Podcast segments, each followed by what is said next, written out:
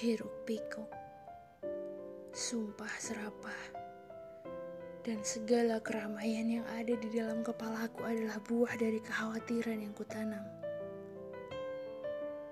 Layaknya senja yang tercipta berkat berkumpulnya awan suci dengan jingga matahari di ufuk barat.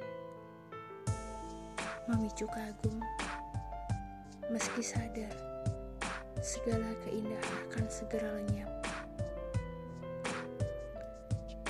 Angin-angin yang bergerak selaras membuyarkan lamunan di tepian teluk naas.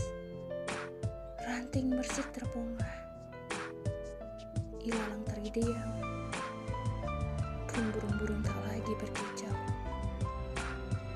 Kalau aku meratap seorang diri di ambang batas, pergantian langit sore menuju malam hari.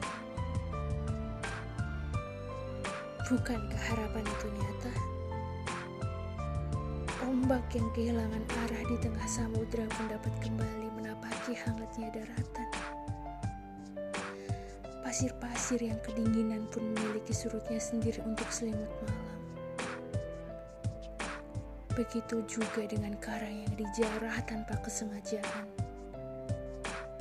Adalah bukti nyata perihal adanya harapan meski perih harus terlebih dahulu dirasakan. Kunang-kunang pun berhamburan di sela berbagai macam tanya. Indah, menawan, bersinar seketika aku tersadar.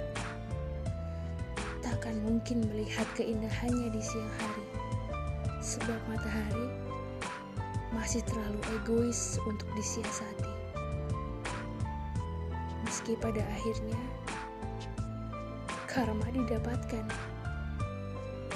Kala bulan bersinar dengan elegan, tepat di waktu matahari tenggelam. Semua ini hanya persoalan detak jarum dan angka yang menempel di dinding rumah. Pergelangan tangan, jalan-jalan kota, dan gedung-gedung bertingkat. Kelak detaknya akan menunjuk tahta dari segala risau di dasar sukma. Dari runyamnya berjuta-juta sel logika dan segala anda yang merusak moral jika tak diiringi dengan sebuah tindakan.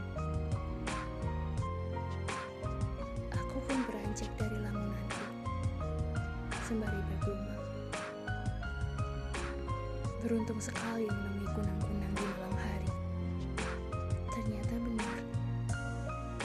segala hal memang memiliki waktunya sendiri.